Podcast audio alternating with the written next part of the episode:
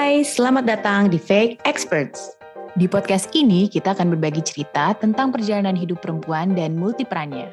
Karena di setiap cerita pasti ada pelajaran hidup untuk menuju versi terbaik diri kita. Selamat mendengarkan.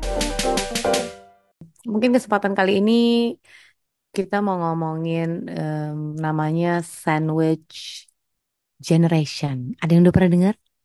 Kalau dengar sih pernah ya, tapi artinya me mengurus dua keluarga gitu kan. Karena kita udah berkeluarga juga tapi kita juga masih punya uh, orang tua gitu ya. Nah mungkin itu yang dimaksud dengan sandwich ya. Sandwich itu kan di tengah-tengah gitu ya kesannya ya. Kayak kalau foto sandwich itu kan bertiga tuh biasanya ya kan. Nah tengah-tengah yang tersandwich gitu. Iya intinya kejepit ya gitu generasi yang terjepit gitu di antara dua generasi yang berbeda, satu di atas, satu di bawah.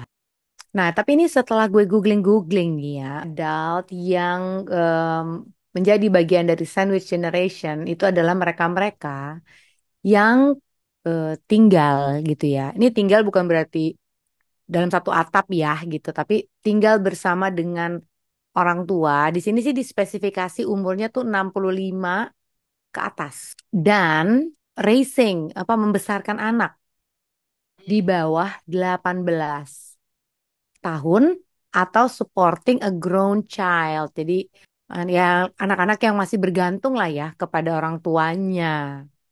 Hmm, tapi kalau misalnya orang itu memiliki orang tua yang independen dan anaknya juga sudah bekerja gitu ya, sudah tidak bergantung, sudah independen juga, apakah dia bisa dikategorikan sebagai sandwich generation juga?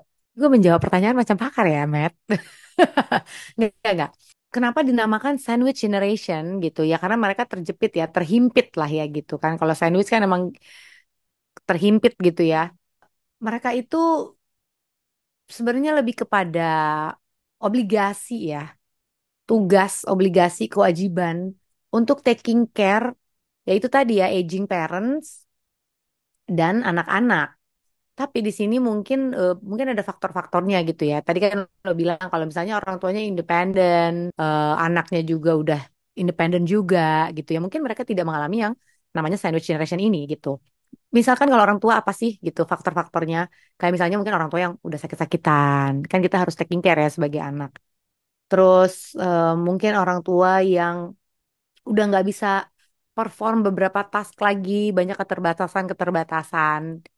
Atau juga uh, butuh support secara financial. Dan kenapa terjepitnya? Mereka juga harus membesarkan anak yang membutuhkan yaitu dari orang tuanya. Keuangannya masih bergantung orang tua, terus secara fisik dan emotional support juga masih harus dibantu sama orang tua gitu. Nah, bayangkanlah si orang tua ini nih yang di tengah ini yang harus taking care generasi yang di atasnya dan generasi di bawahnya.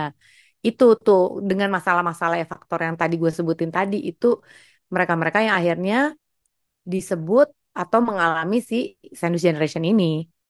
Nah, menarik ya ini ya. Tapi menurut gue berarti semuanya pernah ya ada di uh, kondisi sandwich generation karena khususnya waktu pandemi itu seindependennya orang tua atau anak mungkin sempat ngurusin juga ya waktu kena COVID gitu. Jadi hmm, entah dengan apa ya, secara mental, sec- bukan support yang pokoknya yang non finansial gitu ya, pasti kan kepikiran juga, pasti jadi lebih sering nelponin gitu kan, uh, taking care lah gitu secara uh, mental gitu ke orang ke anak atau ke uh, orang tuanya gitu.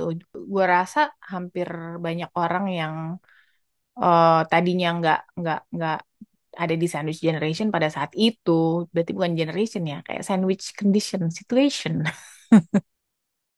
iya benar, gue baru mau bilang. Kan waktu itu lebih ke satu apa ya momen atau event gitu dalam kehidupan yang uh, ya harus terjadi akhirnya gitu. Kalau menurut gue sandwich generation tuh lebih ke ya dalam periode of time yang cukup panjang lah ya gitu harus ya itu tugasnya ya responsibilnya jadi kayak triple ya untuk generasinya dia sendiri sebagai kita dan mungkin suami istri gitu ya. Terus ngurusin yang generasi di atas dan generasi di bawah. Ini juga ada tipe-tipenya ya, ternyata generation sandwich, sandwich generation. Nah, jadi ada lima tipe sandwich generation. Nah, yang pertama ini open sandwich, jadi mereka yang sudah menikah tapi belum memiliki anak.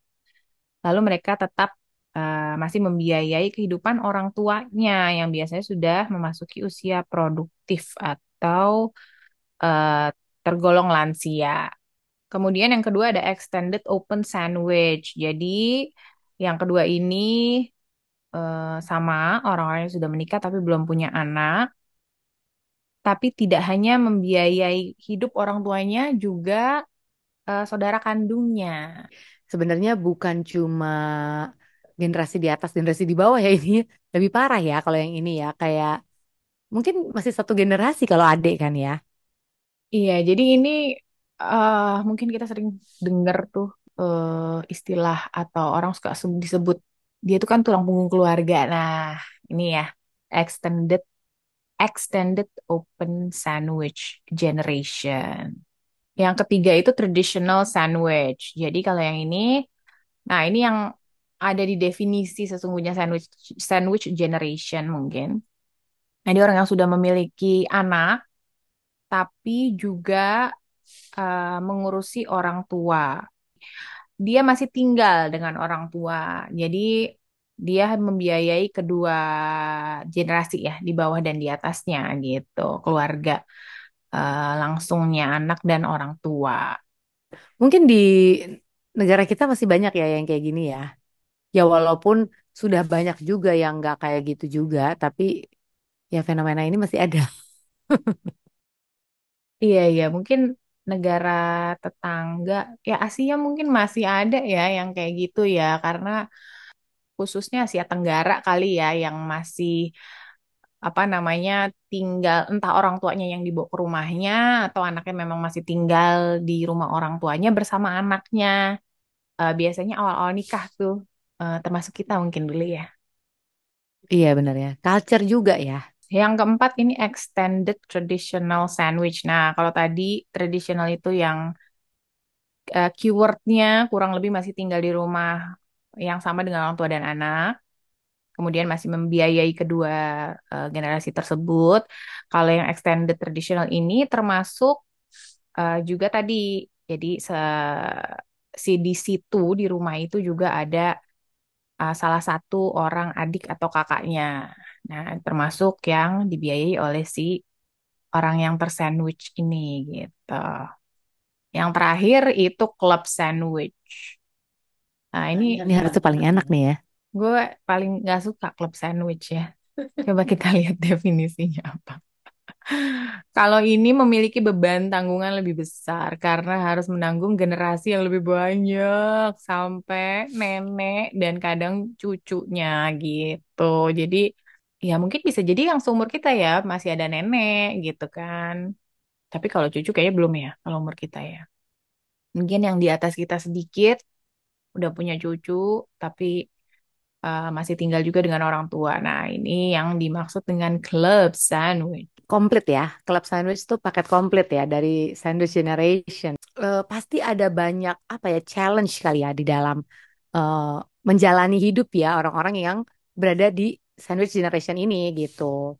Kayak mungkin misalnya level of stressnya juga jadi lebih tinggi gitu kan. Harus apa ya memanage uh, sometimes impossible things gitu yang harus di manage gitu kayak manage everything. Itu kan termasuk salah satu yang apa ya berat gitu. Yang akhirnya bisa berujung ke pada kayak misalnya burnout depresi uh, mungkin isolation gitu. Jadi merasa terisolasi karena sibuk dengan ngurusin segala macam itu jadi terisolasi dan perasaan-perasaan bersalah gitu ini mungkin terakhir kali ya, kayak gimana sih gitu supaya kita bisa at least mengurangi lah uh, sandwich generation ya gitu. Kalau misalnya kita berbicara kayak orang tua kita gitu, udah nggak bisa lah. Mereka udah di umur yang ya udah udah nggak ada persiapan lagi. Maksudnya untuk memulai mempersiapkan everything tuh itu udah menurut gue udah it's too late. Tapi mungkin kalau di usia kita yang misalnya let's say 30-an, 40-an mungkin menurut gue masih bisa lah ya untuk planning gitu. Intinya tuh supaya kita nih, kita kan nanti akan jadi kakek nenek lah ya gitu mungkin. Ya jadinya nggak ngerepotin anak cucu, ya kan? Itu gue eh, suka berpikir banget tuh sama suami gue gitu. Gimana ya supaya kita itu eh, tidak membebani generasi-generasi selanjutnya.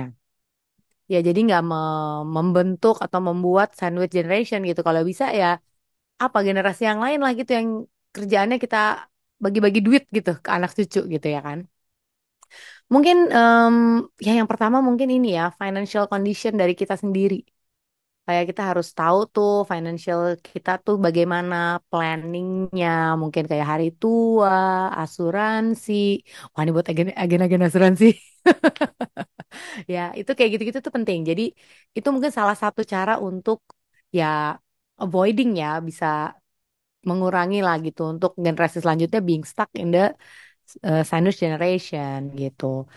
Alokasi, ya ini tadi gue udah sebut juga sih, alokasi dana lah ya untuk kayak investment dan lain sebagainya, emergency fund. Ini kayaknya sih pasti berhubungan banyak dengan eh, financial ya gitu. Priority, budgeting, segala macam gitu itu juga bisa mengurangi. Tapi itu kan semuanya berhubungan dengan eh, financial ya. Eh, which is juga kadang itu juga lumayan faktor terbesar ya. Challenge yang harus dihadapi oleh sandwich generation. Misalnya nih, misalnya kita punya uang banyak, orang tua sakit-sakitan, kita bisa hire tenaga ahli, ya kan gitu. Jadi memang ini menurut gue faktor utama sih ya gitu. Kalau misalnya orang tuanya sakit-sakitan, terus tadi apa sih faktornya Eh, yang apa ya nggak bisa melakukan functionnya gitu ya, udah nggak bisa perlu dibantu sana sini gitu. Ya itu bisa terselesaikan kalau dananya cukup ya. Iya, betul. Karena eh, persiapan itu sering juga sih dibahas sama orang tua gitu ya. Eh, orang tua gue sih eh, sering juga membahas lah gitu kayak ada asuransi ini, ada asuransi itu gitu kan. Terus juga mungkin eh, di pekerjaan kita gitu ya, karena kita juga ada program-program masa pensiun gitu kan sering dengar juga tuh ya cerita-cerita bahwa harus dipersiapkan untuk masa tua nanti gitu. Nah, betul banget bahwa itu adalah mungkin bisa dibilang eh, 70%, 60 sampai 70% ya faktor yang sebenarnya mendasari kemandirian kita nantinya sebagai eh, lansia.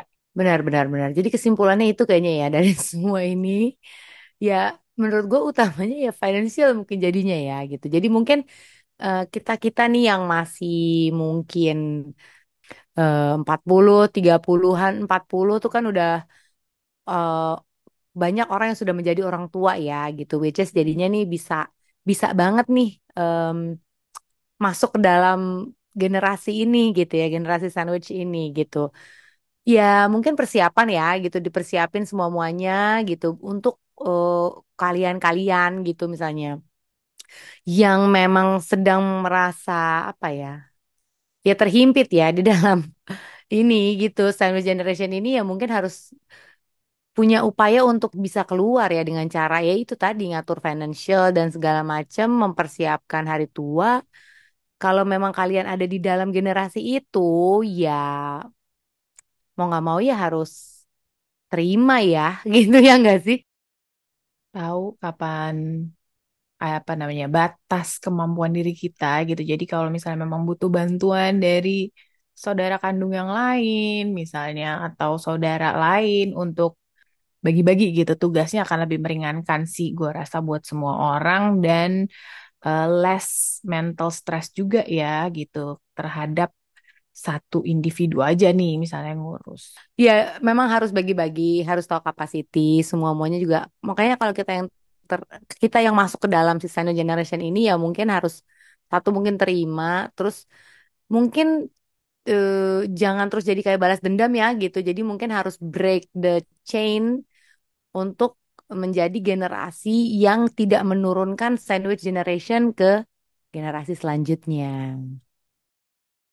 Please subscribe our podcast Fake Experts and follow our Instagram at fake.experts. Fake experts.